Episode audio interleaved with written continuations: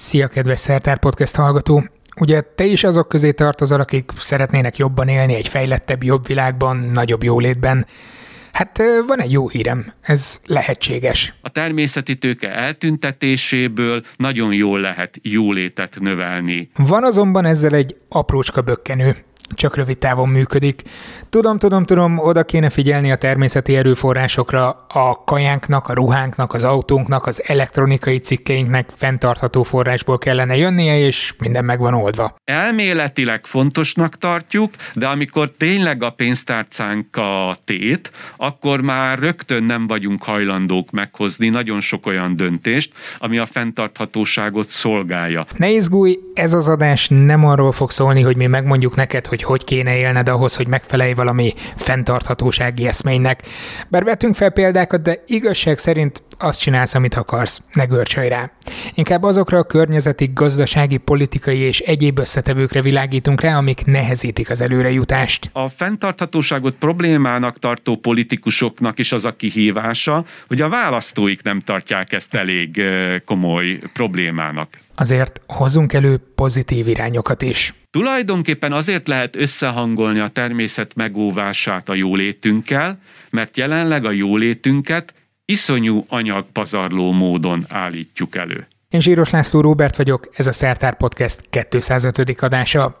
A múlt heti epizódban kiemeltem, hogy az ENSZ 2021-ben nagy hangsúlyt tervez fektetni olyan kreatív gazdasági megoldásokra, amelyek a fenntarthatósági célokat jobban támogatják, mint a jelenlegi mechanizmusok. Ígértem, hogy bemelegítésnek a téma kapcsán előveszek nektek egy olyan beszélgetést, amit még tavaly évvégén készítettem a Kubit Podcastnek Bartus Gáborral, mondjuk ezt úgy mondtam, mintha a tavaly évvége az olyan rettentő messze lett volna, de nem is olyan régen eh, beszélgettem vele. Bartus Gábor a BME környezetgazdaságtan tanszékének adjunktusa és a Nemzeti Fentartható Fejlődési Tanács titkára. Igen, létezik ilyen, hogy Nemzeti Fentartható Fejlődési Tanács. Bevallom, én sem nagyon hallottam róla korábban, de belemegyünk ennek a működésébe is. Mielőtt viszont behúzom a vágólapra ezt a beszélgetést, egy nagyon-nagyon-nagyon-nagyon fontos szolgálati közlemény. A héten podcast szolgáltatót váltok, ami már elég régen napirenden volt, viszont most a Biton network csatlakozással egy menetben ezt is le tudom bonyolítani. Elméletileg az átállás, bár nekem néhol idegtépően macerás, ezért gördülékeny lesz, és a legtöbben semmit nem fogtok észrevenni belőle a szokásos podcast alkalmazásaitokra ugyanúgy érkezik majd az új adás, mint eddig. De, mint minden beavatkozásnak, ennek is van kockázata. Jövő hét hétfőn jön majd ki a következő adás, várhatóan kora délután nagyjából úgy, mint ez is. Ha nem jelenne meg, vagy azt vennéd észre, hogy a korábbi adások egyszer csak ups, eltűntek, vagy valami sminktippeket adó podcast szólal meg a szertár helyén, akkor kezdj el gyanakodni, és kérlek keres rám manuálisan a szertár a saját podcast alkalmazásodban. Lehet, hogy újra fel kell majd iratkoznod, ez, ez tudom egy eh, nagy áldozatvállalás, amit most kérek tőled, de kérlek, tedd meg. Erre a legnagyobb esély azoknál van, akik az Apple saját podcast alkalmazását használják. Elképzelhető, hogy a Spotify-osok is idézőjelben veszélyben vannak, de az remélhetőleg könnyebb falat lesz. Az átállásról a szokásos közösségi média felületeken is foglak tájékoztatni. Facebookon, Instagramon megtaláljátok a szertárt, vagy Twitteren az RBLC 81 név alatt vagyok fenn, infókat majd ott osztok meg. Illetve természetesen a patreon.com per szertár oldalon jelképesen előfizetőknek külön is szólok majd. Apropó, köszönöm a támogatásotokat. És most térjünk vissza Bartus Gáborhoz és a fenntarthatóság kérdéséhez. Igen, ez akár kérdés is lehetne, mert hogy készségszinten használjuk a fenntarthatóság szót, és tudjuk, hogy ez valami pozitív dolog, aminek az elérésére törekedni kellene, de, de lehet, hogy nem sokan tudnánk kapásból megfogalmazni, hogy mi is az. Ez egy nagyon jó kérdés, mert nagyon sokféle válasz van rá. Tehát ez nem a Pitagórasz tétel, amit mindenki ugyanúgy tud, vagy ugyanúgy kellene tudnia. Nagyon sokféle definíció és válasz van rá. A legismertebb definíció, ami az 1987-es ENSZ bizottság által adott definíció, az úgynevezett Brundtland bizottság, vagy Brundtland jelentésben szereplő definíció, az valami olyasmit mond, hogy a jelenbeli jólétet úgy kell megszerveznünk, kialakítanunk magunknak, hogy a későbbi generáció jólétét ezzel nem lehetetlenítjük el. Ez egy nagyon szép bővített mondat egyébként. Az az előnye, hogy mindenki egyet fog vele érteni.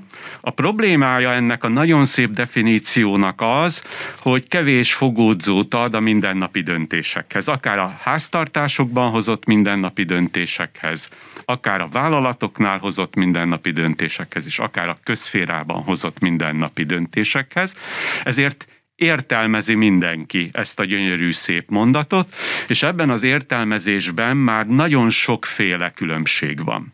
Tehát vannak olyanok, akik számára a fenntartható fejlődésnek ez a gyönyörű mondata, definíciója azt jelenti, hogy tulajdonképpen a társadalmak előtt álló lényeges problémák halmaza összességének a megoldása. Ezt a fajta szemléletet nagyon jól tükrözi az ENSZ fenntartható fejlődési célrendszer, ez a bizonyos 17 célkitűzés és a hozzárendelt 169 feladat. Ez a 17 célterület úgy lett kialakítva, úgy lett kiválasztva, hogy lefedi a világ jelenlegi jelentős társadalmi-gazdasági problémáit. Részben azokat a problémákat, amelyek mondjuk inkább a fejlődő országokra jellemző, részben azokat, amelyek inkább a fejlett országokra is, meg azokat is, ami mindenkit érint. Tehát van egy ilyen megközelítés is. Aztán vannak, hogy ugorjak például egy, egy, egy viszonylag szélsőségesebb vagy, vagy ritkábban használt értelmezés felé.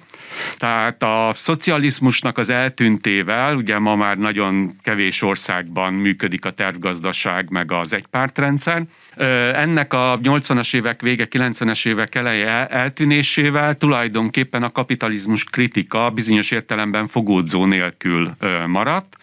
és a fenntartható fejlődés kínálta, tálcán kínálta azt, hogy tulajdonképpen ezen az alapon a, a piacgazdaságot, a kapitalista berendezkedést továbbra is lehet bírálni. Tehát vannak ilyen ideológikusabb értelmezései ennek a, a, a fogalomnak. Aztán vannak, akik úgy gondolják, hogy a fenntarthatóság az elsősorban a természeti erőforrások problémája. Tulajdonképpen ők, a, akik historikus módon használják a fogalmat, mert valóban az 1970-es években a fenntarthatóság jelzőjét, vagy a fenntartható fejlődés fogalmát elsősorban a környezeti problémákkal, a természeti tőke felélésével kapcsolatban kezdték el használni. Tehát, és sokan ma is így használják, hogy tulajdonképpen ez egy környezetvédelem 2.0-ás kiadás, tehát egy, egy, egy picit rendszerezettebb, szisztematikusabb környezet- és természetvédelmi politikát jelent. Tehát például dolgozom egy európai szervezetben, a, a Fenntartható Fejlődés és Környezetvédelmi Tanácsok Európai Szervezetében, ott a kollégáim döntő többsége tulajdonképpen ökológus, környezetvédő háttérrel rendelkező természettudós, akik alapvetően a fenntarthatósági problémát környezeti problémaként értelmezik. Tehát ez is egy, egy nagyon jelentős értelmezés. És végül van a saját magam által tudományos szempontból leginkább hasznosnak tartott értelmezés. Most nem soroltam fel az összeset, tehát ennél sokkal több van egyébként, csak a, a, a diverzitást szeretném megmutatni. Tehát van, amit én legpraktikusabbnak, leginkább használhatónak tartok, és egyébként a Magyar Nemzeti Fentartható Fejlődési Keretstratégiában is ez az értelmezés jelenik meg. Ez pedig azt mondja, hogy a fenntarthatóság az az a probléma, hogy hogyan fejlesztjük, gondozzuk azokat az erőforrásokat, termelési tényezőket, tőkéket, tehát itt több, többféle módon lehet ezeket a dolgokat elnevezni, amelyek tulajdonképpen a, a, a, a kiinduló pontjai, az alapanyagai a jólétünknek. Tehát ugye ahhoz, hogy jólétben éljünk, a gazdaság megtermelje azokat a termékeket, szolgáltatásokat, amelyek segítenek bennünket abban, hogy egy minőségi, biztonságos, kényelmes, kellemes, szórakoztató, tartalmas életet éljünk, ezeket nem lehet a semmiből előállítani. Tehát azok a dolgok, amelyek végül megjelennek a bruttó hazai termékben, a GDP-ben, mint egy évben előállított érték, azt nem lehet a semmiből előállítani, és amiből előállítjuk, ezek az erőforrások. Viszont az erőforrások, hogyha fizikai vagy ökoteremben nézem, akkor azért azok végesek, tehát erről csak egy bizonyos szintig tudunk beszélgetni, nem? Az erőforrások különbözőek. A természeti erőforrások egy része olyan, ugye a, a, főleg a szervetlen készlete a természeti erőforrásoknak, amelyek egyszer keletkeztek, amikor a földbolygó létrejött, vagy az azt követő biogeokémiai folyamatokban, és tulajdonképpen annyi van belőlük, amennyi keletkezett, ez valóban egy véges készlet. Itt tulajdonképpen az a kérdés, hogy ezt hogyan lehet beosztani egy nem teljesen előre látható időtávra. Tehát ameddig ugye emberi társadalom van, addig szeretnénk ezt használni. Ez persze trükkös, mert hogy sose lehet tudni, hogy bizonyos ilyen kimerülő erőforrások mikor válnak feleslegessé. A, az újításaink, az innovációink, az életmódunk megváltozása ugyanis egyik pillanatról a másikra feleslegessé tesz bizonyos erőforrásokat, és elkezd használni másokat. Ez gyakorlatilag teljesen előreláthatatlan, különösen nagyon hosszú időtávon, hogy mikor történnek olyan változások, hogy feleslegessé válik már, mint az emberi társadalom számára az egyik típusú erőforrás, és jön divatba a másik. Most például a mobilitással kapcsolatban látunk egy ilyen változást kibontakozni, hogy azt feltételezzük, hogy kőolajra, szénhidrogénre nem lesz szükség a mobilitáshoz, 10-20-30 év múlva, viszont lítiumra és más ritka földfémekre pedig jóval nagyobb mennyiségben lesz szükségünk. Tehát ezeket a változásokat, hogy mikor, milyen típusú változás következik be, nehéz pontosan előre látni. De a természeti erőforrások egy másik része megújul, illetve feltételesen megújul, akkor újul meg, ha megfelelően módon használjuk. Tehát a talaj termőképessége az végtelenül rendelkezésünkre állhat, vagy legalábbis nagyon hosszú ideig rendelkezésünkre állhat, ha csak nem úgy műveljük a földjeinket, hogy ezt a megújuló képességet túlhasználjuk. Pedig elég erősen túlhasználjuk a talajerőforrásokat.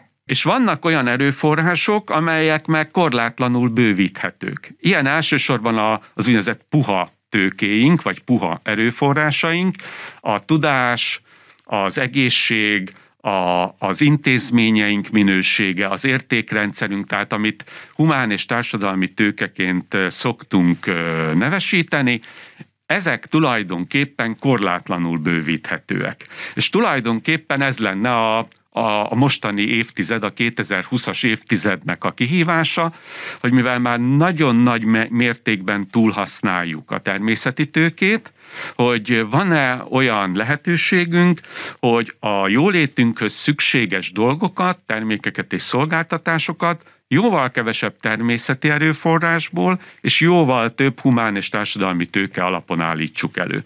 Tehát ez, ez a fajta értelmezés tulajdonképpen egy ilyen nemzeti erőforrás menedzsment hosszú távra. Én így értelmezem a fenntartható fejlődést. Ebben az értelmezésben nem a fejlődés a kulcskérdés, hanem a fenntarthatóság.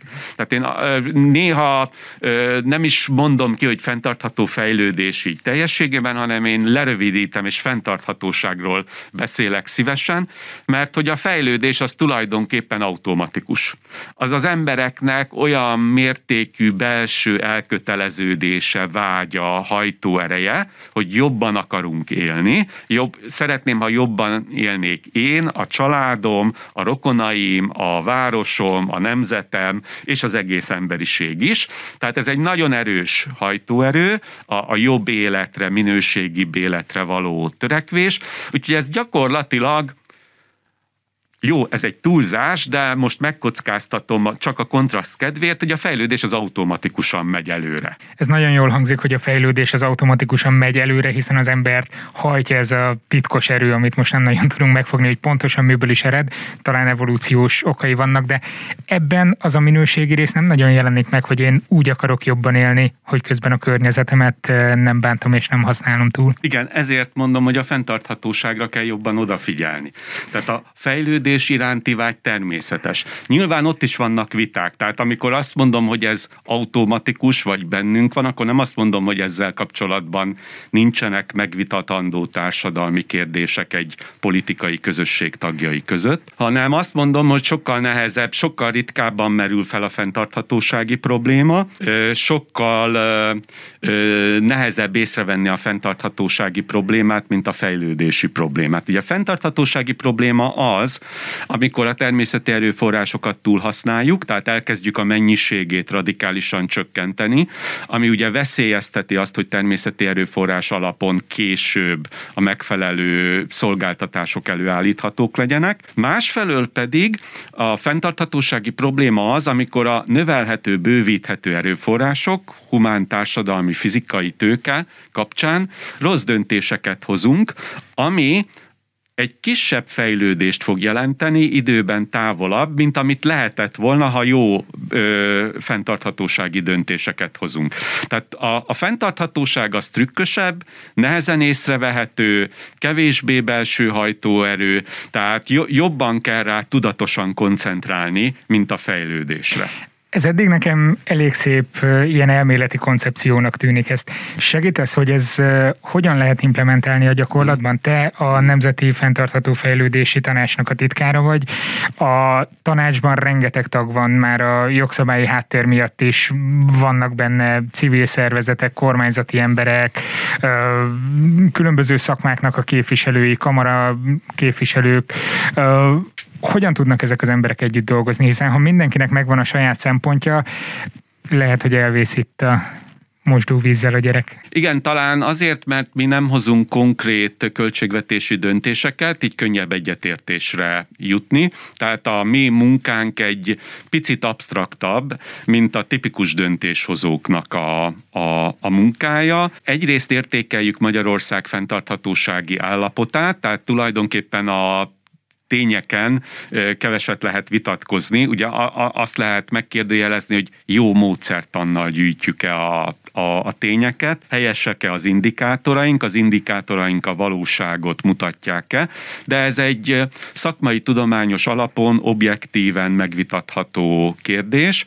és ugye szoktunk javaslatokat tenni ez alapján, ezt pedig úgy szoktuk megtenni, hogy azért ez Uh, Mondok példát, tehát a legutóbbi előadási jelentésünknek az összefoglaló részében a humántőke fejlődés szempontjából kritikusnak ítéltük azt, hogy Magyarországon a pedagógus átlagbér távolodik a diplomás átlagbértől. Nem azért, mert a kormány nem emeli időnként a pedagógus fizetéseket, hanem azért, mert mindenki más jobban emeli, és így kinyílik egy olló, és ez a, a tudástőke bővítés és minőségi akadálya. Tehát szorgalmaztunk egy, egy jelentős pedagógus béremelést, de azt mi már nem mondjuk meg, hogy ez melyik költségvetésben legyen, pontosan hány milliárd legyen, és a költségvetésben milyen más tételeket kell meghúzni annak érdekében, hogy ez sorra kerüljön, és akkor ugye ezek már az érzékeny kérdések, amin jól össze lehet vitatkozni. A, a tanács ilyen, ilyen, ilyen szempontból, mivel ugye minden párt jelen van, nagyon sok ö, érdekképviselet van jelen, ugye egy ilyen olyan szintig jut el, amiben konszenzus, konszenzus van, nyilvánvaló az ördög a részletekben bújik meg, de arra meg ott van a parlament, ott vannak más mechanizmusok, amelyek ezeket már a részletes politikai vitákat le tudják folytatni. Már csak azért sem van lehetősége a tanácsnak így a gyakorlati mélyre ásni, mert ugye ezt a nagyon széles horizontális értelmezést tettük magunkével a fenntarthatóság kapcsán, tehát mindennel is foglalkozunk, ahogy mondani szokták, a demográfiától kezdve a természeti erőforrásainkig, és mivel ugye egy horizontális nézőpontunk van, ezért a vertikális mélyreásás már nem fér bele a tanácsnak a, a, a működésébe. Tehát e, e, e, ezért tudjuk ezt a a, a kérdést viszonylag jelentősebb konfliktusok nélkül harmonikusan kezelni a, a, a tanácsban. És Viszont a tanácson túl mennyire tudott tetten érni azt, hogy a tanács javaslatait, ajánlatételeit mondjuk megfogadják a döntéshozók, és mennyire tudod azt mondani, hogy ha a tanács nem lett volna, nem hozta volna ezt a konszenzusos döntését, akkor valószínűleg esetleg még rosszabb döntések születtek volna jogalkotói szinten? Én azt gondolom, hogy konkrétan semmit nem lehet a, a tanács érdemének tekinteni, mert hogy bizonyos dolgokat nem csak mi mondunk, hanem mások is mondtak, és azt meg egy értelmetlen vitának tartanám, hogy ez most a tanács miatt van, vagy más miatt. Sokszor ez nehezen megítélhető. Ha most vesszük például az orvosi béremelést, ami most egy aktuális intézkedés, ezt mi beleírtuk a a Nemzeti Fentartható Fejlődési Keretstratégiába, ami 2009-től 2012-ig készült, és a parlament 2013 márciusában fogadta el.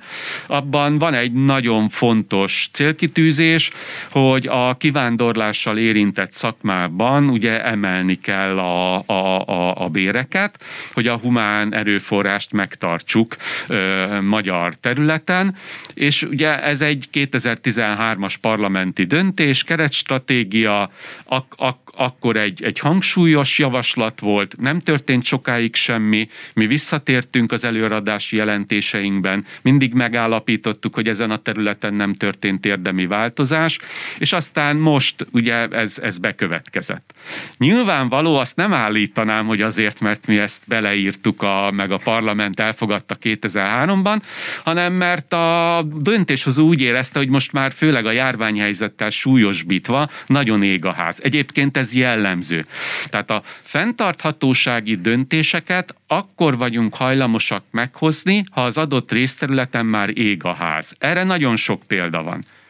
Ugye a fiskális alkoholizmus az, az egy népbetegség volt a magyar döntéshozók körében, és amikor a 2009-ben nagyon mélyre jutottunk, és ja, mi voltunk a másodikok a, a, a lista rossz végén Görögország után, a makro, makrogazdasági prudencia államadóság területen, akkor ez volt ez az ég a ház érzés, és akkor 2011-ben bekerült az alaptörvénybe, hogy az államadóság nem lehet magasabb, mint a GDP 50%-a, és amíg azt el nem érjük, addig ö, csökkenő pályán kell tartani az államadóságot. Ez egy tipikus fenntarthatósági probléma volt, egy tipikus fenntarthatósági megoldás, tehát az alkotmányos korlátok, azok egy elméletileg jól használható eszközei a fenntarthatóság biztosításának, és ugye jellemző volt, hogy amikor nagy a baj, akkor hoztunk egy ilyen fenntarthatósági döntést.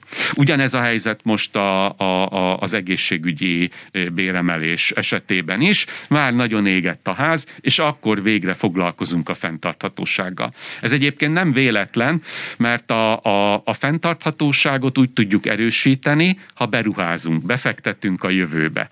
Az nem ingyen van, és akkor versenyzik egymással a folyó jólétünkért, jólétünket szolgáló kiadás, a jövőbe való befektetéseket szolgáló kiadásokkal. Tehát ez egy nagyon fontos kérdés ennek a, az aránya, és ha erősíteni akarjuk a fenntarthatóságot, azaz be akarunk fektetni a jövőbe, akkor valamennyi folyófogyasztásról le kell mondani, és ezt lássuk be, hogy ezt nem tesszük meg ö, könnyedén. Tehát ez a Így fenntarthatóságnak az egyik, elég nehéz. egyik akadálya.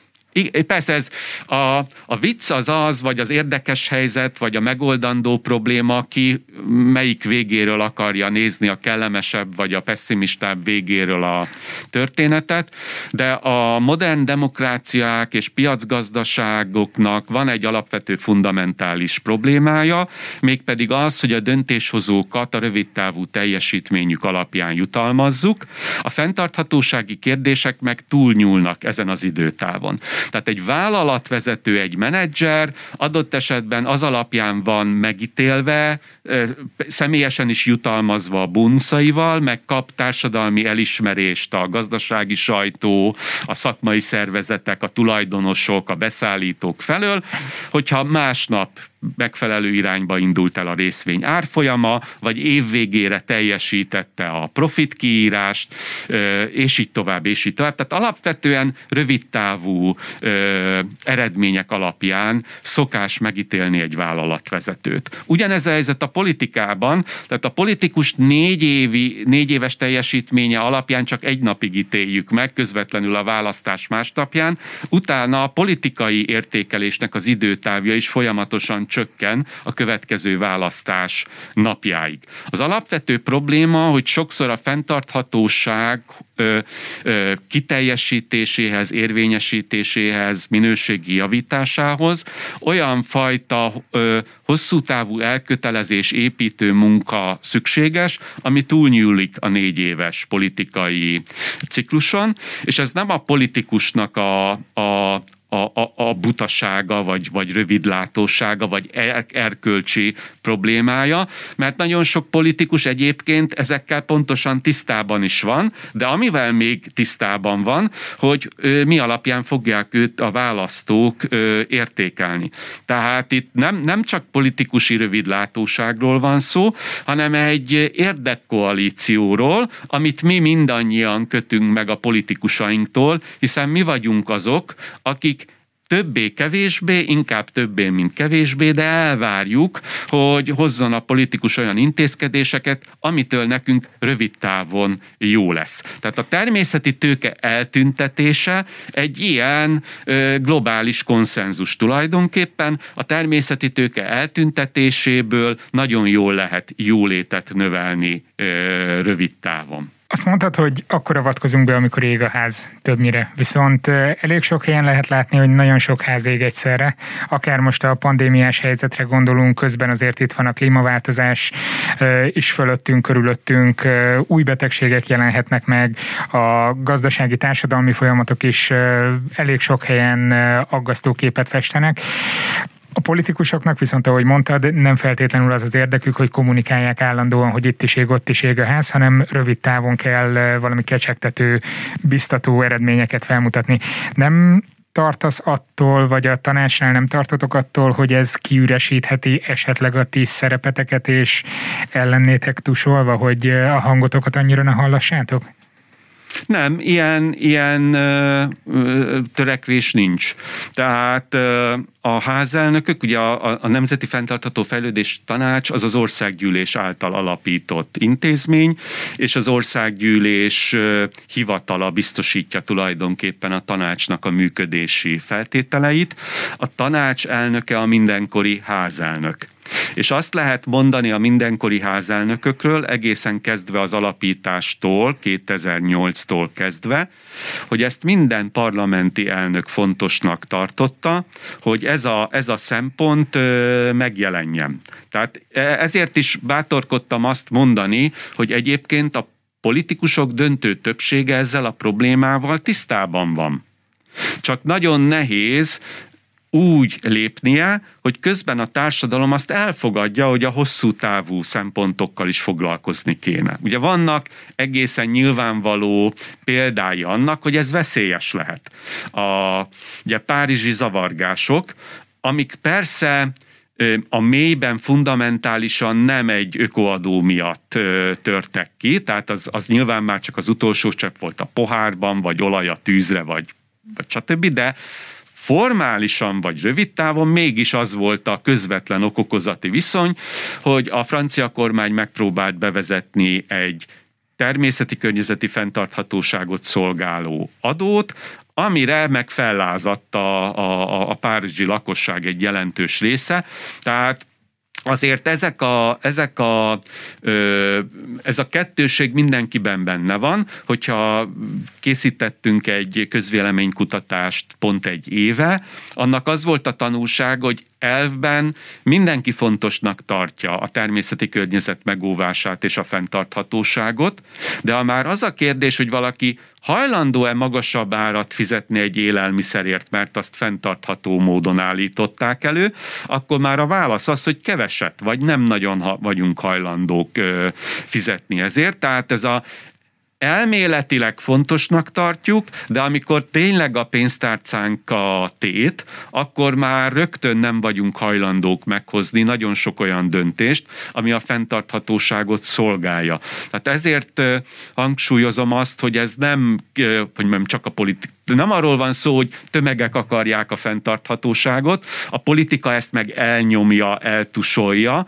hanem hogy a, a, a fenntarthatóságot problémának tartó politikusoknak is az a kihívása, hogy a választóik nem tartják ezt elég komoly problémának pedig a jelek itt vannak. Tehát a COVID-19 járvány az egy természeti környezeti eredetű járvány, abból fakad, ha visszagöngyölítjük a szálakat a Wuhani piacon keresztül, hogy radikálisan megváltozott a területhasználat. Tehát évszázadokon keresztül volt a nagy kiterjedésű vadon a természet, és ebben a nagy kiterjedésű vadonban helyenként megjelent az emberi civilizáció és akkor tényleg az volt a helyzet, hogy a természet uralkodott, és a, a, a, az emberi civilizáció meg nagyon kis területen ö, tudott területet foglalni, és alapvetően ki, ki volt téve a természeti folyamatoknak, a természeti hatásoknak. Ma ez megfordult.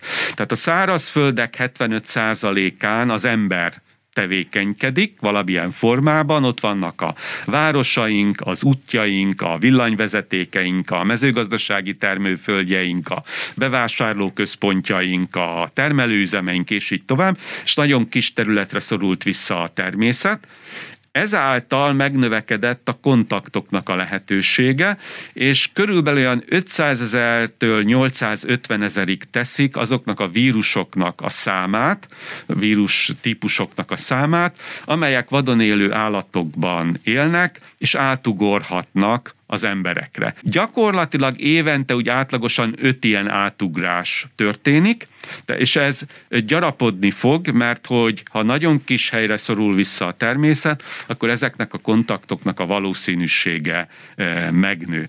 Tehát a, az eltúlzott területfoglalási arányok, hogy túl kis területre szorítottuk vissza a természetet, ez a fundamentális oka a COVID-19 járványnak, és ilyen járványból egyre több lehet. Tehát a legnagyobb pandémia ugye száz évvel ezelőtt volt a spanyol nátha, valószínű, hogy nem száz évet kell várni a következő járványra.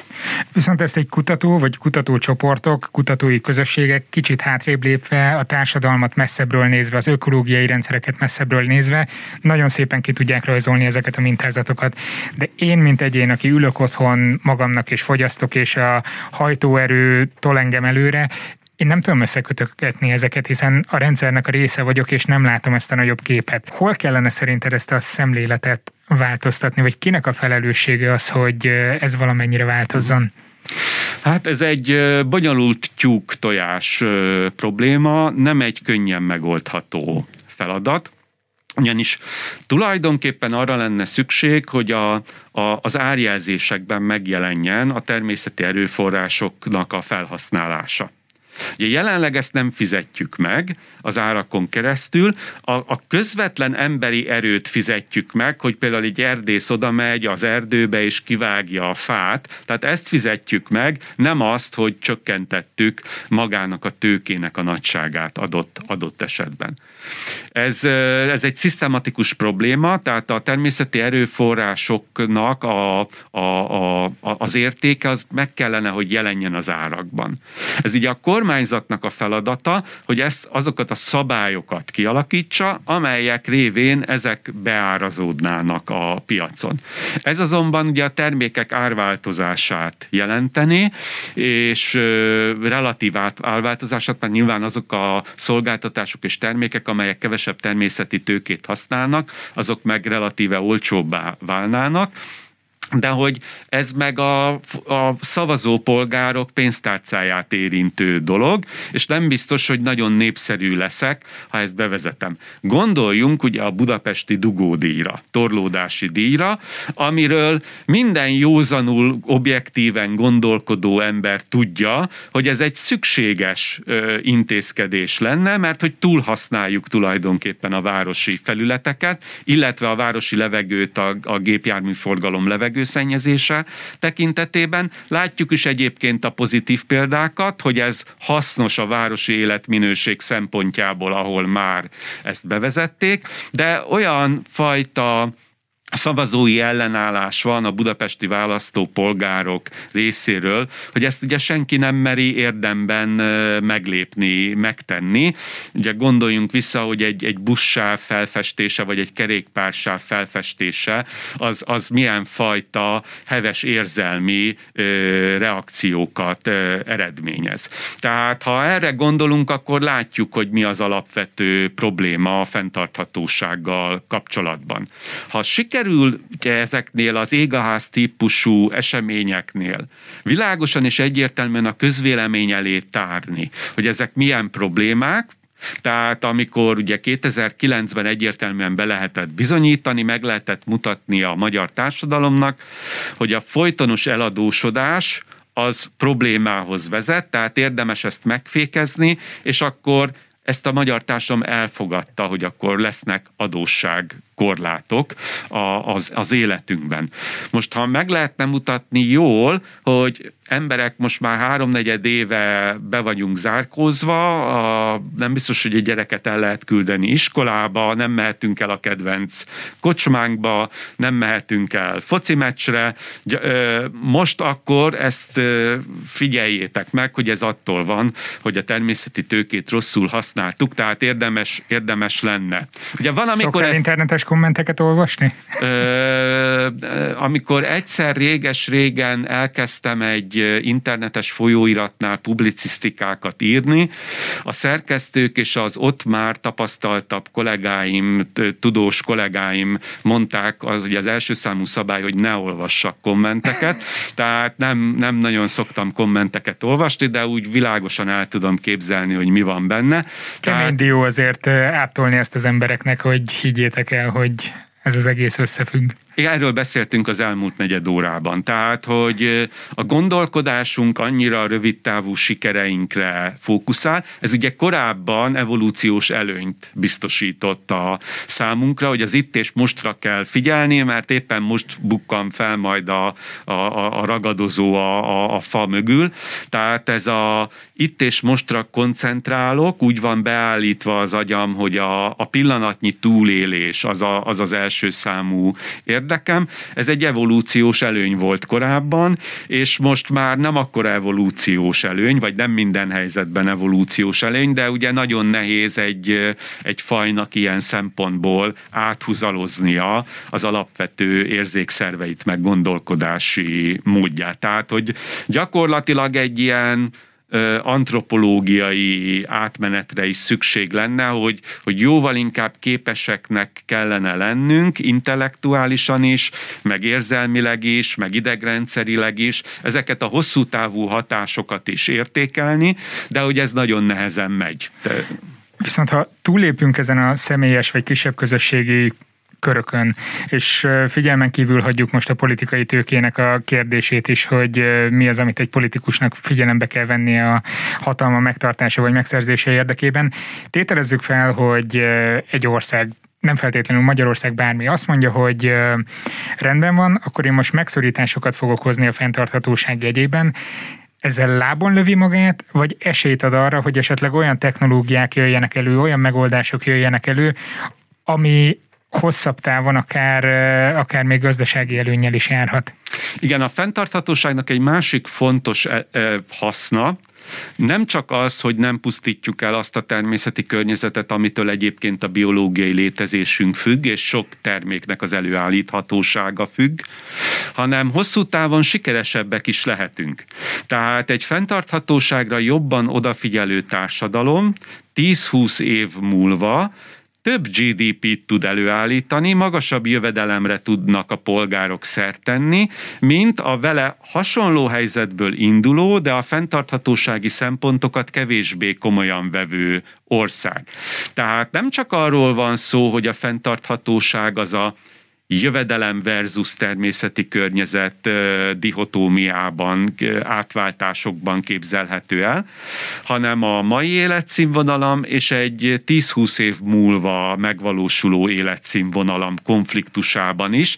Tehát a fenntarthatósági problémát úgy is megfogalmazhatjuk, hogy az emberek hajlamosak azért, hogy ma ne kelljen pár forintot többletként kiadni fenntarthatóságra, ezért sokkal több pénzről lemondanak a jövőben, ami az ő jövedelmük lenne.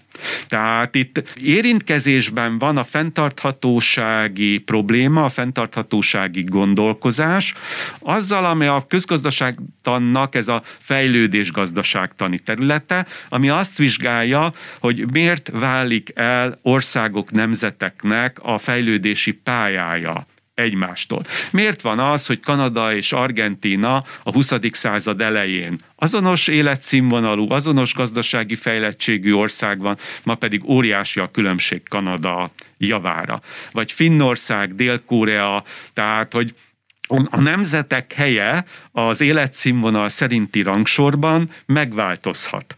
Ha szeretnénk ebben a rangsorban feljebb lépni, akkor a fenntarthatóságnak egy fontos tényezőnek kell lennie a gondolkodásunkban, mert a fenntarthatóság nem csak a természet megóvásáról szól, hanem arról is szól, hogy 10 vagy 20 év múlva jobban élünk-e.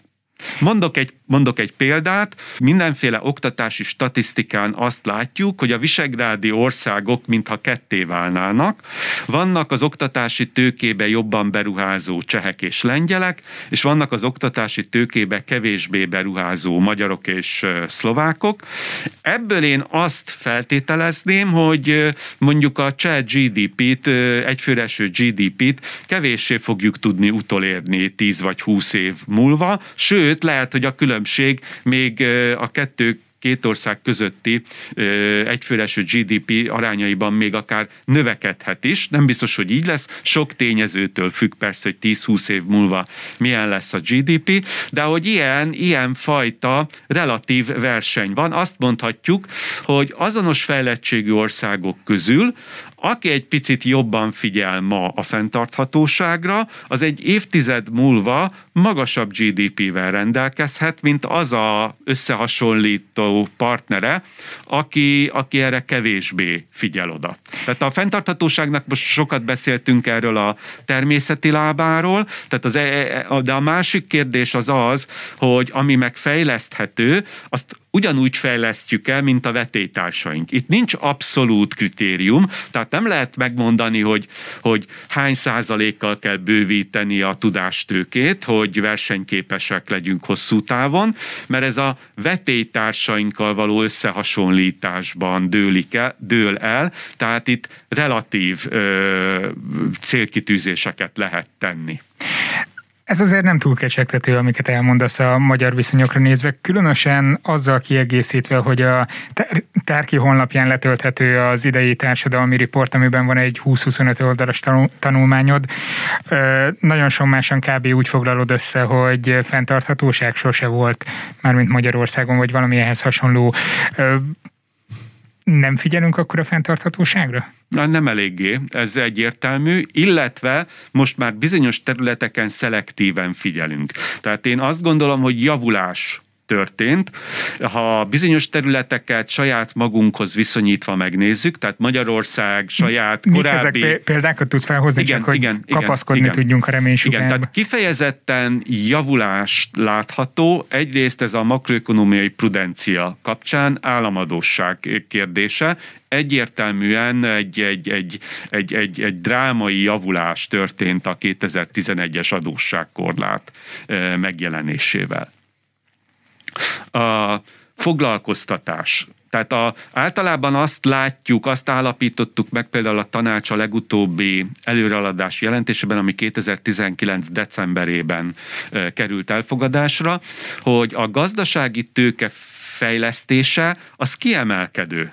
Egyrészt a saját historikus teljesítményünkhöz képest is, például munkanélküliség csökkenése, munka lehetőségek teremtése kapcsán, másrészt relatív értelemben is, tehát például fizikai termelő eszközökbe minden más Európai Uniós országnál többet ruháztunk be, tehát a beruházási rátánk bizonyos időperiódusokban teljesen kilő az európai mezőnyből.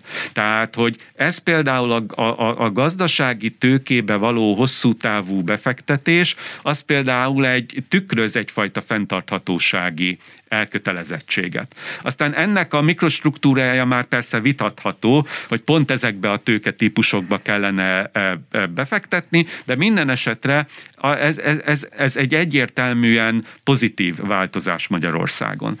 A második nagyon fontos terület az pedig a demográfia, a népesedés. Annak a felismerése, hogy az, hogy hogyan változik egy országnak a népessége, maga a teljes népességszám, és azon belül a korosszetétel, az hosszú távon nagyon sok gazdasági típusú ö, problémát is eredményezhet, illetve ha erre odafigyelünk, akkor ezeknek a problémáknak a súlyát lehet ö, csökkenteni. Tehát... Pont ezt szokta érni nagyon gyakran a kritika, hogy itt is tűzoltás folyt, vagy valami ehhez hasonló, viszont kicsit megkésett a demográfiai helyzetkezelése, nem? Sokkal hamarabb el lehetett volna kezdeni. Ugye Magyarország az az ország a világban, ahol a legrégebben tart a népesség csökkenése. Tehát nyilvánvaló nekünk hamarabb kellett elkezdeni. Ez ugye sokáig a rendszerváltás után vonakodtunk ennek a problémának a felismerésétől és az ezzel való érdemi szembenézéstől. Ez az elmúlt években radikálisan megváltozott, de hogy nem minden országra jellemző, hogy szisztematikus, hosszú távú, kiszámítható családtámogatási politikája van. Ugye a franciák például egy, egy, egy fontos ilyen pozitív példa, amit ilyen szempontból követni lehet, de de, például, hogy a, a népesedési probléma, az fenntarthatósági probléma, ez kifejezetten magyar találmány. Tehát ez egy hangsúlyos része például a magyar fenntarthatósági stratégiának, és ha szabad azt mondani, a magyar fenntarthatósági gondolkozásnak, ugyanakkor ez nagyon ritkán része más országokban a fenntarthatóságnak. A demográfia nem része sem az ENSZ fenntartható fejlődési céljainak, soha nem volt része Európai Uniós stratégiának, és a legtöbb vagy szinte mindegyik európai országnak, ha van fenntarthatósági stratégiája, annak nincs népesedési, demográfiai, családtámogatási része. Ez egy nagyon-nagyon érdekes helyzet, hogy ez számunkra, magyarok számára evidens, hogy a népesedés egy fenntarthatósági kérdés, de egyáltalán nem evidens nagyon sok más fenntarthatósággal foglalkozó közösség, tudós, szakpolitikus számára. Tehát ez is például egy, egy nagyon pozitív fejlemény.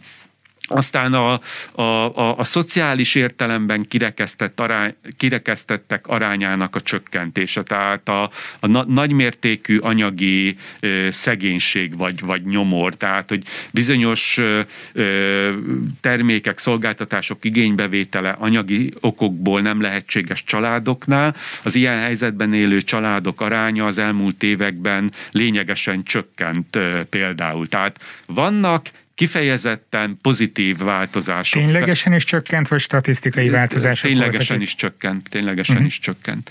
Természetesen még mindig Európa rosszabbik felébe tartozunk, tehát nem, nem megoldottuk a problémát, hanem elkezdtük megoldani a problémát, és egy nagyon-nagyon rossz állapotból e, már egy kevésbé rossz állapotba e, kerültünk, tehát egy, egy nagyon erős javuló trend van ezen a téren. Tehát, hogy e, e, talán ezeket lehet kiemelni, mint, mint tényleg nagyon fontos, pozitív elemeit annak, hogy, hogy lehet érdemben a fenntarthatósági problémával foglalkozni. Ugyanakkor más területeken pedig ö, nagyon lassú, vagy nincs semmiféle érdemi előrelépés, ezért nagyon kiegyensúlyozatlan a magyar fenntarthatósági cselekvés. Nagyon erősen fejlesztjük a gazdasági tőkét, de jóval kevésbé, mondjuk akár csak a közvetlen szomszédainkhoz képest is, már kevésbé fejlesztjük a humán és a társadalmi tőkét, és kifejezetten negatív tendenciákat látunk én magam személyesen is, meg a tanács is a természeti tőke használatban, tehát a, amire hivatkoztál a, a, a tárkitársadalmi riportban megjelent tanulmányom, illetve ugyanezt mondja maga az előreadási jelentés is, csak a, a társadalmi riport számára persze máshogy, van, e, máshogy vannak elrendezve a tények, de a tanácsnak az előreadási jelentései is ezt, ezt mondják, hogy nagyon nem figyelünk oda a természeti tőkénknek a megőrzésére, és számos indikátor alapján Európa legrosszabb teljesítményét nyújtottuk 2013 és 2018 között ezen a területen. Ezt konkretizálni tudod egy kicsit, hogy mit akar? Természeti erőforrásaink nem megfelelő használata? Igen, de akkor lezárom az előző gondolatot azzal, hogy tehát azt kell látni, hogy Magyarországon számos területen megjelent a fenntarthatósági gondolkodás, csak ez nem kiegyensúlyozott. Tehát rendszer szintű értelmében még mindig van probléma, de egyes részterületeken nagyon pozitív változás történt, és nyilván azt jelenti a rendszer szintű probléma, hogy ha bizonyos területeken van előrelépés, más területeken meg nem sikerült ezt a leszakadást megszüntetni, vagy, vagy, vagy még rosszabb helyzetek álltak elő természeti tőke ahhoz a részhez tartozik, ami, amire nagyon nem figyelünk oda, tehát ami ennek a kiegyensúlyozatlanságnak a rossz oldalán van. A természeti tőke felélése alapvetően három csatornán keresztül történik. Egyrészt területet foglalunk el a természettől, tehát megváltozik a, a, a biológiailag aktív felületek és a mesterséges célra használt felületeknek az aránya. A második fő csatornája a természeti tőke elvesztésének az az anyaghasználat, tehát hogy kitermeljük a természetben lévő anyagokat, azt átalakítjuk, az átalakítás egy része szennyezésé és hulladékká válik, a szennyezés és a hulladék pedig szintén ö, rontja a természetnek az állapotát, minőségét, tehát a, a teljes anyaghasználatunk ez a második csatorna. Hány kiló anyagot kell beépíteni a termékeinkbe, épületeinkbe, útjainkba, hogy egy meghatározott szintű gazdasági fejlődést elérjünk. És a harmadik csatorna csatorna az éghajlatváltozás. A közvélemény általában ezt ismeri, tehát az újságok... És legyint is rá, hogy ez úgyis Kínának meg Indiának a kibocsátásán múlik.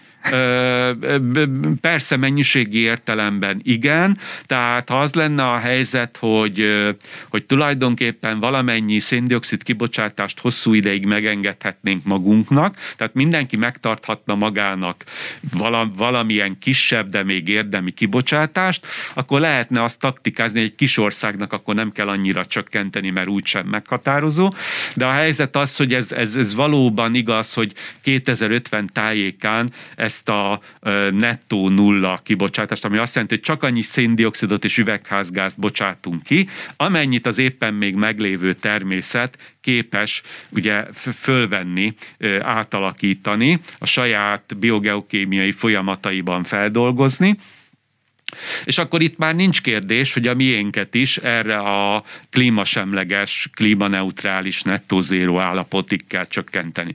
De, de, de, de, de szóval, hogy a közvélemény erről ismeri a, a problémát, holott a természeti tőke fogyásának jelenleg ez a legkisebb oka. Tehát jelenleg, a, a, ami természeti tőkét eltüntetünk, eltűnik, felélünk, annak körülbelül egy tizede lehet, ami éghajlatváltozás eredetű, a kilenc tizede az a területfoglalás és az anyaghasználat miatt ö, történik. Tehát ez a, ez a három alapvető csatorna van. Ezeknek vannak jellemző statisztikai mutatói, és ha ezeket a, a természeti tőke felélő emberi magatartások, cselekvésekre jellemző indikátorokat, mutatókat összehasonlítjuk, akkor azt találjuk, hogy amióta Magyarországon ez a dinamikus gazdasági növekedés megindult, 2013-ban indult meg ez a dinamikus gazdasági növekedés, 2018-ig álltak rendelkezésünkre adatok, tehát tehát a, azt kell tudni, hogy a gazdasági adatok gyorsabban előállnak a statisztikai rendszerben,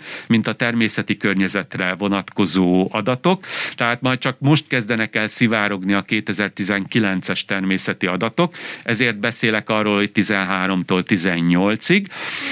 Akkor ebben a három ö, természeti tőke felemésztő ö, emberi cselekvési területen Magyarország első a, a mesterséges felszínborítottság növelésében, Szintén relatíve első a hazai anyag felhasználás. Aszfalt térkövezés beépítés, ezekre gondolunk? Igen, igen, igen, igen, igen. Tehát van, van egy olyan elképzelés, hogy, hogy, hogy, hogy a gazdaságot az építőiparral kell pörgetni, van egy olyan elképzelés, hogy a, a, a vidéki életminőség, a, a, a, az ország peremén a különböző régiók gazdasági fejlődéséhez nélkülözhetetlen, hogy mindenhová gyorsforgalmi utakat vezessünk. Tehát van, van, vannak ilyen, ilyen fajta a, a, gazdaságpolitikai fejlesztési irányok, és ezek nagyon sok anyagigényel bírnak, nagyon sok anyagigényel rendelkeznek. Ez ugye megemeli a hazai anyagfelhasználási mutatónkat, és akkor gyakorlatilag ebben az, az, azt látjuk, hogy ha ezt összehasonlítjuk a GDP-nkkel, akkor egy relatív mutatót kapunk, ami a természeti erőforrás termelékenység mutató, hány euró gazdasági értéket állítunk elő egy kilogramm anyag felhasználásával, és Magyarország az egyetlen, ami 10 év alatt 2008-tól 2018-ig nem növelte a természeti erőforrás termelékenységét, minden más EU tagállam növelte, az EU egésze, az EU átlaga is növelte a természeti erőforrás termelékenységet. Tehát itt ezen a két területen nagyon rossz a teljesítményünk. A klímaváltozás, tehát az üvegházgáz azok kibocsátása terén sokkal jobb, főleg ha 1990-hez viszonyítjuk a teljes teljesítményünket. Itt Európa kis üvegház kibocsátású országai közé tartozunk, tehát itt, itt ez kifejezetten egy pozitív teljesítmény. Van azonban egy parciális ö, ö, probléma, hogy 13-tól 18-ig a széndiokszid kibocsátásunk is növekedett. Tehát volt egy icipici visszapattanás tulajdonképpen a, a, az egyébként lefelé tartó üvegházgáz kibocsátási trendben. Megállt, megállt uh-huh. tehát 2018 óta már gyakorlatilag stagnál, tehát ez a, ez a fajta növekedés a, a, az üvegházgázok kibocsátásában, ez a visszapattanás, ez a, ez a rövid ideig tartó növekedés, ez 13-tól 18-ig tartott, és már azóta nem, nem, nem nő tovább, tehát itt látszik egyfajta trend forduló. Nagyon kíváncsi lennék arra, hogy mi történt 18-19-ben a, a terület használatunkkal és az anyag használatunkkal, de erre jelenleg még nincsenek statisztikai adatok. Tehát Majd a... erre visszatérünk akkor szerintem, viszont az, hogy a környezeti erőforrásainkat hogyan használjuk, az kicsit fura, hogy, hogy ebben valamilyen szinten akkor sereghajtók vagyunk az EU-ban, ha jól értelmezem, vagy legalábbis nagyon a végén, úgyhogy egyébként a köztársasági elnökünknek ez a kiemelt fókuszterülete erre figyel legjobban. Hát nem véletlenül. Tehát azt gondolom, hogyha egyébként egy Európának a leginkább természeti erőforrás szegény gazdasági fejlődési pályáját futó ország lennénk, akkor, akkor nem kellene, hogy az ország egyik közméltósága az államelnök ekkora hangsúlyt fektessen erre a, a, a, a kérdésre. Nyilván ő érzékeny a, a globális változásokra, tehát látja, hogy azért Magyarország egy, egy kis területet foglal el az egész bolygón, és az éghajlatváltozás meg olyan, hogy mindenki teljesítményétől függ mindenki állapota, a szennyezés és a, a hatás jellegétől függően. Tehát azt gondolom, hogy egyébként persze még akkor is van ok, hogy egy köztársasági elnök az éghajlatváltozás és általában a természeti erőforrás használat problémájával foglalkozzon, de, de, de nyilvánvalóan egy olyan országban, ahol meg e, relatíve az er, többi európai országhoz képest egy erőteljesebb e, természet természeti erőforrás felhasználással állítunk elő nemzeti jövedelmet, ott, ott meg az még indokoltabb. Nem szeretnék bulvár irányba elmenni, viszont érdekesség, hogy amikor egy rádióműsor, tévéműsort, vagy akár egy podcastet is elindít valaki, akkor elsődlegesen a közeli ismerőseit, barátait hívja meg. Ez így volt nálunk itt a Kubitnál is például, olyan szerzőt hívtunk az első adásba, aki rendszeresen ír a Kubitnál. Áder János nemrég indított el egy podcastet, aminek te voltál az első vendége. Jóban vagytok? Együtt horgáztok hétvégenként? Vagy... Nem, nem, nem, nem horgászunk együtt, de én nem is horgászok egyáltalán. Az ismerettségünk régi, de nem, nem, nem különösebben szoros, vagy nem, nem, nem, nem baráti. Tehát lehet azt mondani, hogy ez egy, hogy mondjam, egy ilyen szakmai jellegű kapcsolat. Tehát rég, régóta ismerem a, a, a, az államelnök urat, de nincs, hogy mondjam, szoros baráti viszony kettőnk között. Világos.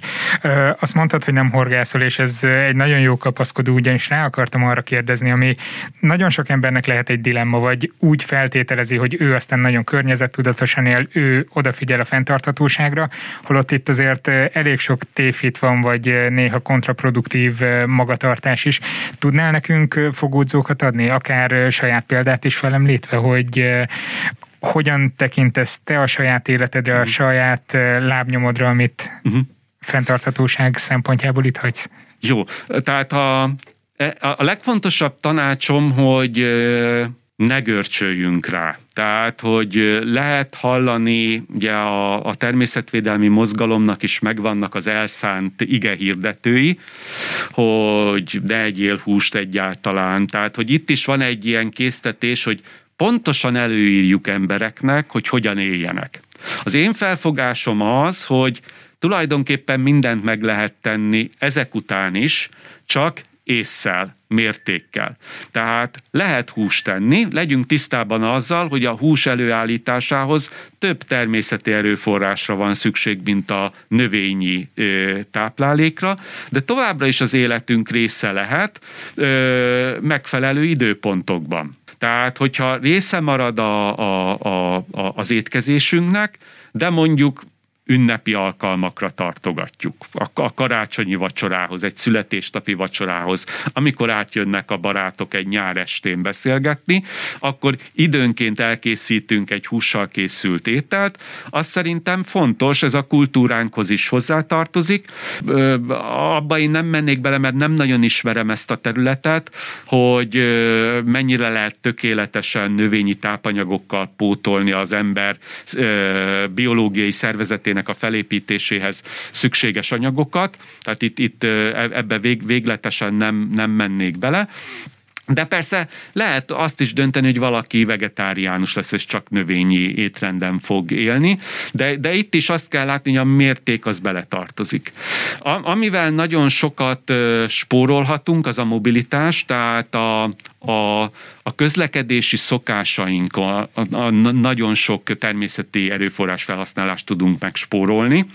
Itt például érdemes a napi munkába járáshoz inkább biciklit vagy közösségi közlekedési eszközt használni, tehát itt az autót félretenni. Tudom, hogy ide sétáltál, ezt beszéltük az adás előtt. Normálisan BKV bérletem van, annak ellenére, hogy van szolgálati gépkocsim az országgyűlés hivatalában, de azt általában csak olyan vidéki utakra használom, ami, ami, ami nehezen megközelíthető. Most a járvány miatt én is többet használom az autót, kicsit vigyáznom kell magamra, tehát most a szokásosnál többet autózom a járvány idején, de nem járvány szituációban, városban nem szeretem az autót használni.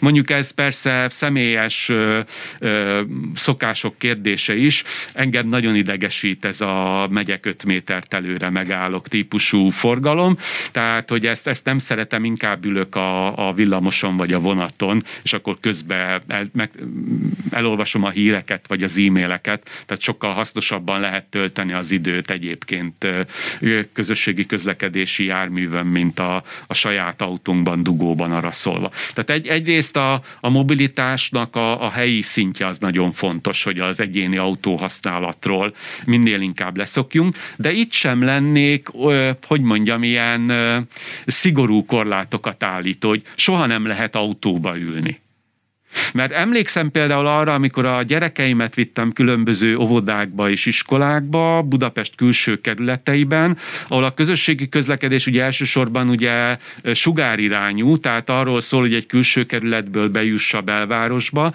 és a kerületek között pedig ritkásabb a kapcsolat. Nekem meg pont így kellett a gyerekeket óvodába, iskolába vinni. Az egy kész őrület lett volna közösségi közlekedési módon, ahhoz például autót használtam. Tehát, hogy me, me, megvannak azok a, tehát, hogy azt kéne megtanulnunk tulajdonképpen, mint egy készség szinten, hogy ilyen döntési helyzetekben tudjunk mérlegelni. Tehát, hogy mik azok a helyzetek, amikor, amikor tényleg autóba kell ülnöm, és mi az, amikor nem kell autóba ülnöm. És aztán, ami nagyon fontos, ez a, a nyaralás turizmus. Tehát gyakorlatilag egy interkontinentális repülő úttal egy ingázó ember éves autó kibocsátásával egyenlő széndiokszidot juttatunk a légkörbe, tehát ha mondjuk valaki a külső kerületben él, és naponta autóval jár be a munkájába, tehát ez a tipikus napi munkahelyi ingázás. Egy év alatt ő, ő viszonylag sok széndiokszidot fog a levegőbe bocsátani ezzel az autós ingázással. Viszont aki meg egyébként BKV-zik, vagy biciklizik, de szeret más kontinenseken nyaralni, és évente egyszer elmegy másik kontinensre egy hosszú távú repülőjárattal, által, akkor tulajdonképpen kiegyenlítette azt a megtakarítást, amit egyébként egész évben megtett. Tehát itt, itt sem azt mondanám, hogy soha nem lehet repülőre ülni, vagy soha nem menjünk el távolabbi vidékekre nyaralni, de be lehet osztani, hogy mit tudom én, most csak egy hasamra ütök, és mondok egy példát, hogy tíz évből ötször Magyarországon nyaralok a családdal, aztán háromszor, négyszer közeli országokba megyünk, Horvát tengerpart, Szlovák Kárpátok, Székelyföld, stb. És aztán tíz évente egyszer ülök fel a repülőre, hogy messzebb tájakat megismerjek adott, adott esetben. Tehát, hogy Ilyen, ilyen szempontból szerintem a mértéktartás a, a, a fontos, hogy pontosan ér, érzékeljem, hogy, hogy ezek, ezek a súlyok tulajdonképpen hogy néznek ki, milyen, milyen tevékenységemmel, milyen típusú környezeti terhelésem van. Tehát ne görcsöljünk rá, de tartsunk mértéket. Ö, igen, igen, ez a mértéktartás, ez, ez, ez, egy, ez egy nagyon fontos ö, ö, szempont lenne, tehát időnként megengedhető az, nyilván vannak olyan élethelyzetek, amikor egy erőteljesebb környezeti hatással bíró tevékenység az, az fontos ahhoz, hogy dolgozni tudjak, hogy a, a családi ügyeket le tudjuk bonyolítani, hogy nyaralni vigyem a családomat, stb. De hogy a, amikor, amikor nem szükséges, amikor az ügy elintéz intézhető, a családi probléma megoldható olyan módon is, hogy nem veszek igénybe olyan terméket és szolgáltatás, aminek nagy a környezeti lábnyoma, akkor akkor csak megszokásból ne csináljak ilyet. És akkor ezt lehet tanulni, és a határokat szépen lehet kifele, kifele tolni. Én azt gondolom, egy nagyon fontos változás az lenne, ez a, ez a szolgáltatási vagy megosztó gazdaság, hogy ezt igénybe vegyük, meg hogy meg is jelenjenek a másik oldalon a kínálatok. Ugye néhány termékből már tudjuk. Ismerjük ezt a Spotify, Netflix, stb. tehát a streaming szolgáltatókról, hogy nem kell feltétlenül fizikai fizikailag megvennem egy filmet, vagy egy albumot ahhoz, hogy zenét hallgassak, vagy filmet nézzek, vagy megjelentek az autó megosztó szolgáltatások is, tehát hogy az egy nagyon fontos megtakarítás lenne, ha a funkciókhoz nem halmoznék fel otthon mindenféle termékeket, hanem bizonyos termékeket ilyen szolgáltatókon keresztül másokkal megosztva használnék, vagy bizonyos dolgokat nem termékként vásárolnék meg, hanem szolgáltatásként. Ez meg megváltoztatja a gyártónál az érdekeltséget, a termék életidejét illetően. Tehát tulajdonképpen azért lehet összehangolni a természet megóvását a jólétünkkel, mert jelenleg a jólétünket iszonyú anyagpazarló módon állítjuk elő. Tehát a, a termékeink nincsenek kihasználva. Beépítünk 1500 kg anyagot, értékes természeti erőforrást egy autóba, és aztán alig használjuk.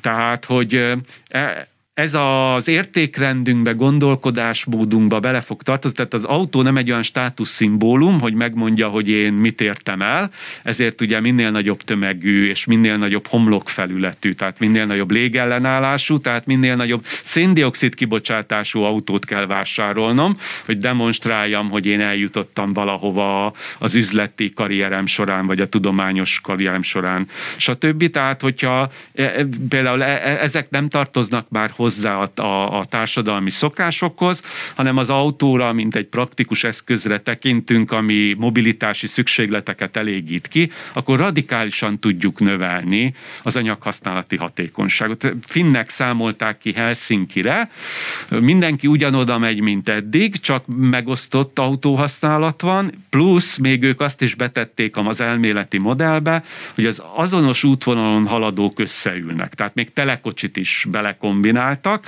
Ezzel a két elméleti feltétellel, és ennek a két elméleti feltételnek a maximális kihasználásával azt számolták ki, hogy elég lenne a gépkocsi park 4 százaléka Helsinki-be. 4 százaléka. Nyilván ez egy elméleti kimaxolása a lehetőségnek. Különösen Finnországban, ahol minél nagyobb távolságot tartanak egymástól az emberek alapesetben is. E, mondjuk ez Helsinki, ami egy, egy tipikus nagyváros, sűrűn lakott nagy, nagyváros. Nyilvánvaló, hogy, hogy más a helyzet a magyarországi tanyavilágban, vagy Finnországban, ugye a tóvidéken, ahol nagyon alacsony a, a népsűrűség, de, de hogy a, a lehetőségeket mutatja, lehetőségeket mutatja, és nem, nem csak az autó ilyen dolog, de az iroda négyzetméterek, az irodaházak is ilyenek, hogy nagyon alacsony kihasználtságúak, olyan eszközök, amiket ritkán használunk, beköltöztünk, fel kellett fúrni néhány dolgot a falra, vettünk hozzá egy fúrógépet,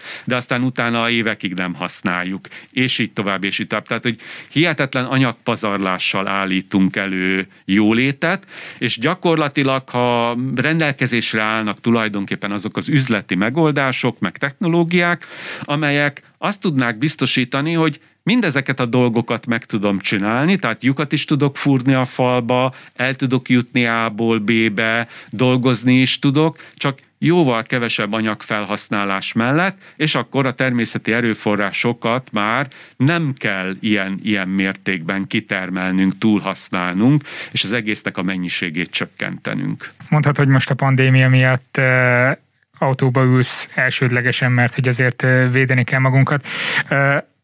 Ettől függetlenül, hogyha megnézzük egy kicsit nagyobb léptékben, a COVID helyzet az mennyire terelte és milyen irányba a fenntarthatósági törekvéseinket tudtunk tanulni ebből az esetből, ezt meg fogjuk fontolni, vagy vannak-e bármilyen előremutató, vagy éppen visszafogó jelek?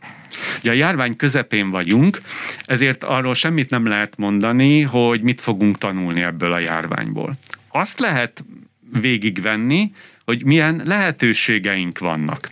Tehát azt gondolom, hogy a járvány olyan szempontból egy, egy, egy, egy lehetőség, hogy bizonyos olyan tevékenységek, vagy bizonyos olyan szokások, amelyekre mondjuk környezeti fenntarthatósági okokból egyébként is szükség lett volna, de ha minden jól megy, akkor nem szoktunk változtatni.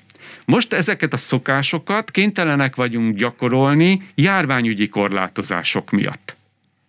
Egyik ilyen tipikus ö, változási lehetőség, ez a munkának a munkahelyen és otthon végzett aránya. Itt azért én óvatosabb vagyok, mint egyes ö, a home office-nak, mert hogy szerintem az nagyon fontos, hogy a, a, az egy munkahelyen lévők személyesen is találkozzanak. Ugye a, a folyósói beszélgetésből, vagy közösen megiszunk egy kávét, ott szoktak a legjobb ötletek kipattanni az emberek fején. Ez egyébként akadémiai szférában is így van, egy kutatással kapcsolatban, vagy egy üzleti munkahelyen is így van a, az üzleti tevékenységgel kapcsolatban. De az, hogy hétfőtől péntekig minden nap bejárjunk dolgozni, az kiderült, hogy nem feltétlenül szükséges. Még olyan elemzések is vannak, hogy bizonyos munkahelyeken javult a termelékenység, a munkavégzés hatékonysága azzal, hogy munkatársak nem mindig mentek be dolgozni. Tehát például azt gondolom, hogy lehetőség, nem, nem tudjuk, hogy így lesz-e, de az egy nagyon markáns lehetőség, hogy megváltozhat a, a home office-nak az aránya a munkavégzésen belül, ennek két nagyon fontos előnye van. Kevesebb irodaépületre van szükség, azaz kevesebbet kell betonozni, kevesebb anyagfelhasználást jelent, másfelől pedig kevesebbet kell közlekedni, tehát a mobilitás eredetű kibocsátások csökkenhetnek. Viszont vannak meglévő irodaépületek, oda betereljük reggel nyolckor az embereket, ötkor hazamennek, oké, hogy közlekednek közben, de lehetőleg biciklivel, meg serdikanomi autókkal, stb. vagy éppen sétálnak, tömegközlekednek, viszont most mindenki otthon van, fűtik külön-külön a saját lakásait, amit ugye otthon lekapcsolja a fűtést az ember mielőtt elmegy otthonról. Ho- hova jutunk így? Hát persze ezeket a hatásokat alaposan meg kell nézni. Nyilván, ha kevesebben mennek dolgozni, és kevesebb irodaépületre van szükség, akkor kevesebb irodaépületet is kell fűteni. Ugye sokszor van, nekem például az a tapasztalatom, hogy az irodaépületeknél kicsit jobban elengedik a hőmérsékletet adott esetben, mint mondjuk otthon sok környezettudatos ember, aki figyel arra, hogy hány Celsius fokot tart. Ugye itt az az összefügg összefüggés, hogyha csak 21 fok van, 21 fokra fűtöm fel, és felveszek egy kardigánt, egy pulóvert, akkor, akkor nem fogok megfázni, komfortosan érzem magam, de jóval kevesebb lesz a széndiokszid kibocsátásom, mint ha pólóban ülök egy 24 fokra felfűtött lakásban. És, és milyen még, párkapcsolati problémák jönnek ebből? Egy, egy Celsius foknyi különbség is sokat számít elhasznált földgáz, meg, uh-huh. meg kibocsátott széndiokszid szempontjából. Tehát ez egy, persze ezt, ezt érdemes lehetne részletesen a, a mérleget felállítani, de hogy az mindenféleképpen én azt gondolom, hogy, hogy ha valaki egy, egy jó energetikai tulajdonságú lakással rendelkezik, akkor a home office az nem, nem, nem jelent olyan nagy negatív hatást ebből a szempontból. A másik a, a, a, a mobilitás, áruvásárlás, tehát ez az otthonra rendelem a, a heti bevásárlást, Ugye itt nem szűnik meg a mobilitás, mert a, az áruházlánc, a, a, a szolgáltatónak a furgonja körbe fog járni, de Ugye ez kevesebb kilométer, ha 10 fogyasztót felfűz egy furgon egy körre, mint hogyha ez a 10 család a saját autójában kiautózna a város széli hipermarketig. Tehát már ez jelent egy különbséget. Vagy ha tovább gondolom, például ezeknek a cégeknek talán könnyebb az elektromos mobilitásra való átállás, mint a háztartásoknak. Tehát szerintem jobban finanszírozható, hogy egy élelmiszer szállítással foglalkozó cég elektromos hajtású furgonokat vásárol, mint hogy a neki megfelelő mennyiségű háztartás lecseréli elektromos autóra a saját gépkocsiját. Azt gondolom, hogy a, ez, a, ez a házhoz szállítás is adott esetben egy ilyen kis pozitív előre lépés lehet a, a, a, a környezeti lábnyomunk tekintetében. Tehát van, van néhány ilyen, ilyen, ilyen jelenség, amit ugye nem csináltunk volna meg, ha nem jön a vírus, és minden úgy marad, ahogy eddig, a normál életmenetünk. Most a vírus miatt rákényszerültünk olyan dolgokra, amiket, hogyha megkedvelünk, tehát rájövünk, hogy nini, így is lehet élni, és azt mondjuk, hogy ezt érdemes lehet folytatni akkor is, amikor már nincsenek kiárási korlátozások, akkor ez egy előrelépés lehet környezeti terhelés szempontjából. Mi a helyzet a különböző környezetvédelmi kampányokkal, lakossági tudatformálással? Mennyire tartod, akár mondjuk a szívószál használat elkerülésére, ha gondolunk, mennyire tartod ezeket mondjuk csak egy greenwashing technikának, vagy mennyire van reális esélye uh-huh. arra, hogy ez változást hozhat? Jó, a, azt gondolom, hogy ilyen kampányokra nyilvánvalóan szükség van. Az a kérdés, hogy a kampányok és a tényleges cselekvések viszonya milyen. Ha, ugye itt a legnagyobb probléma az, hogy a kampányok nem mindig a leglényegesebb környezethasználatokat célozzák meg.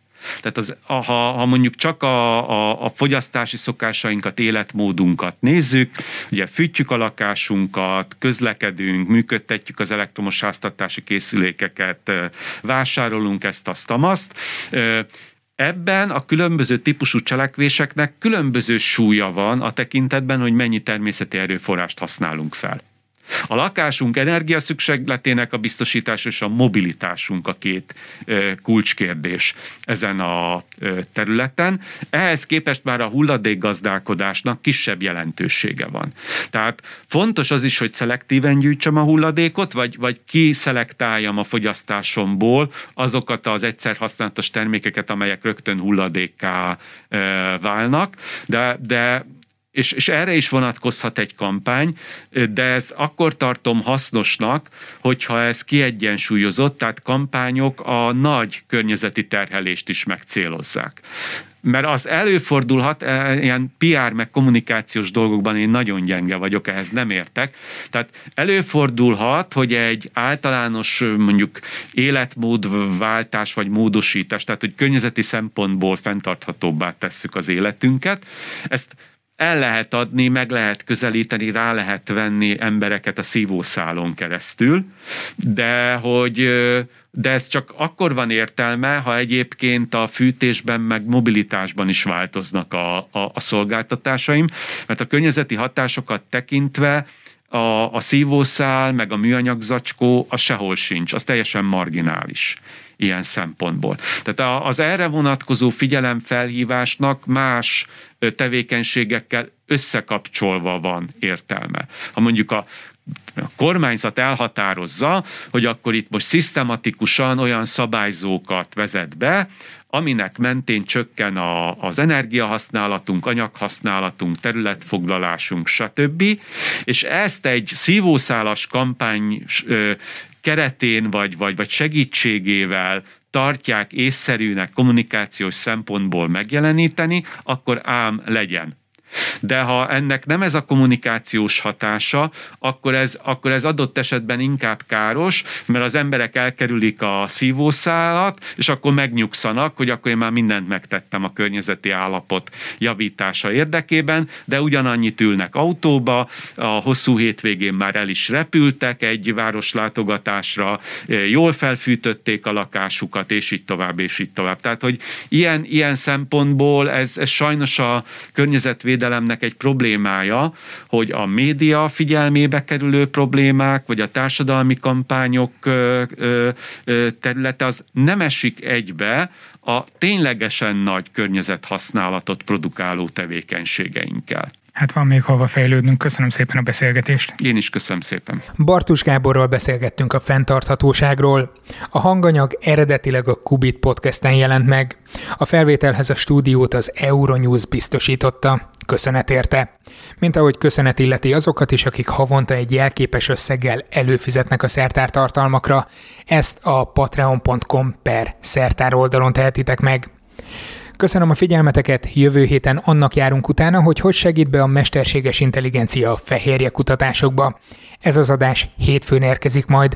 Ha mégsem látnád a szokásos podcast alkalmazásodban, akkor kérlek keres rám manuálisan a szertára és iratkozz fel újra. Jó eséllyel erre nem lesz szükség, de az ördög nem alszik. A szolgáltatóváltással kapcsolatos szolgálati közleményeket és természetesen egyéb tartalmakat is találtok a Szertár Facebook és Instagram oldalán, YouTube-on, illetve a Twitteremen, ahol RBLC81 néven vagyok fenn. Legyen szép hetetek, sziasztok! Ez a műsor a Béton közösség tagja.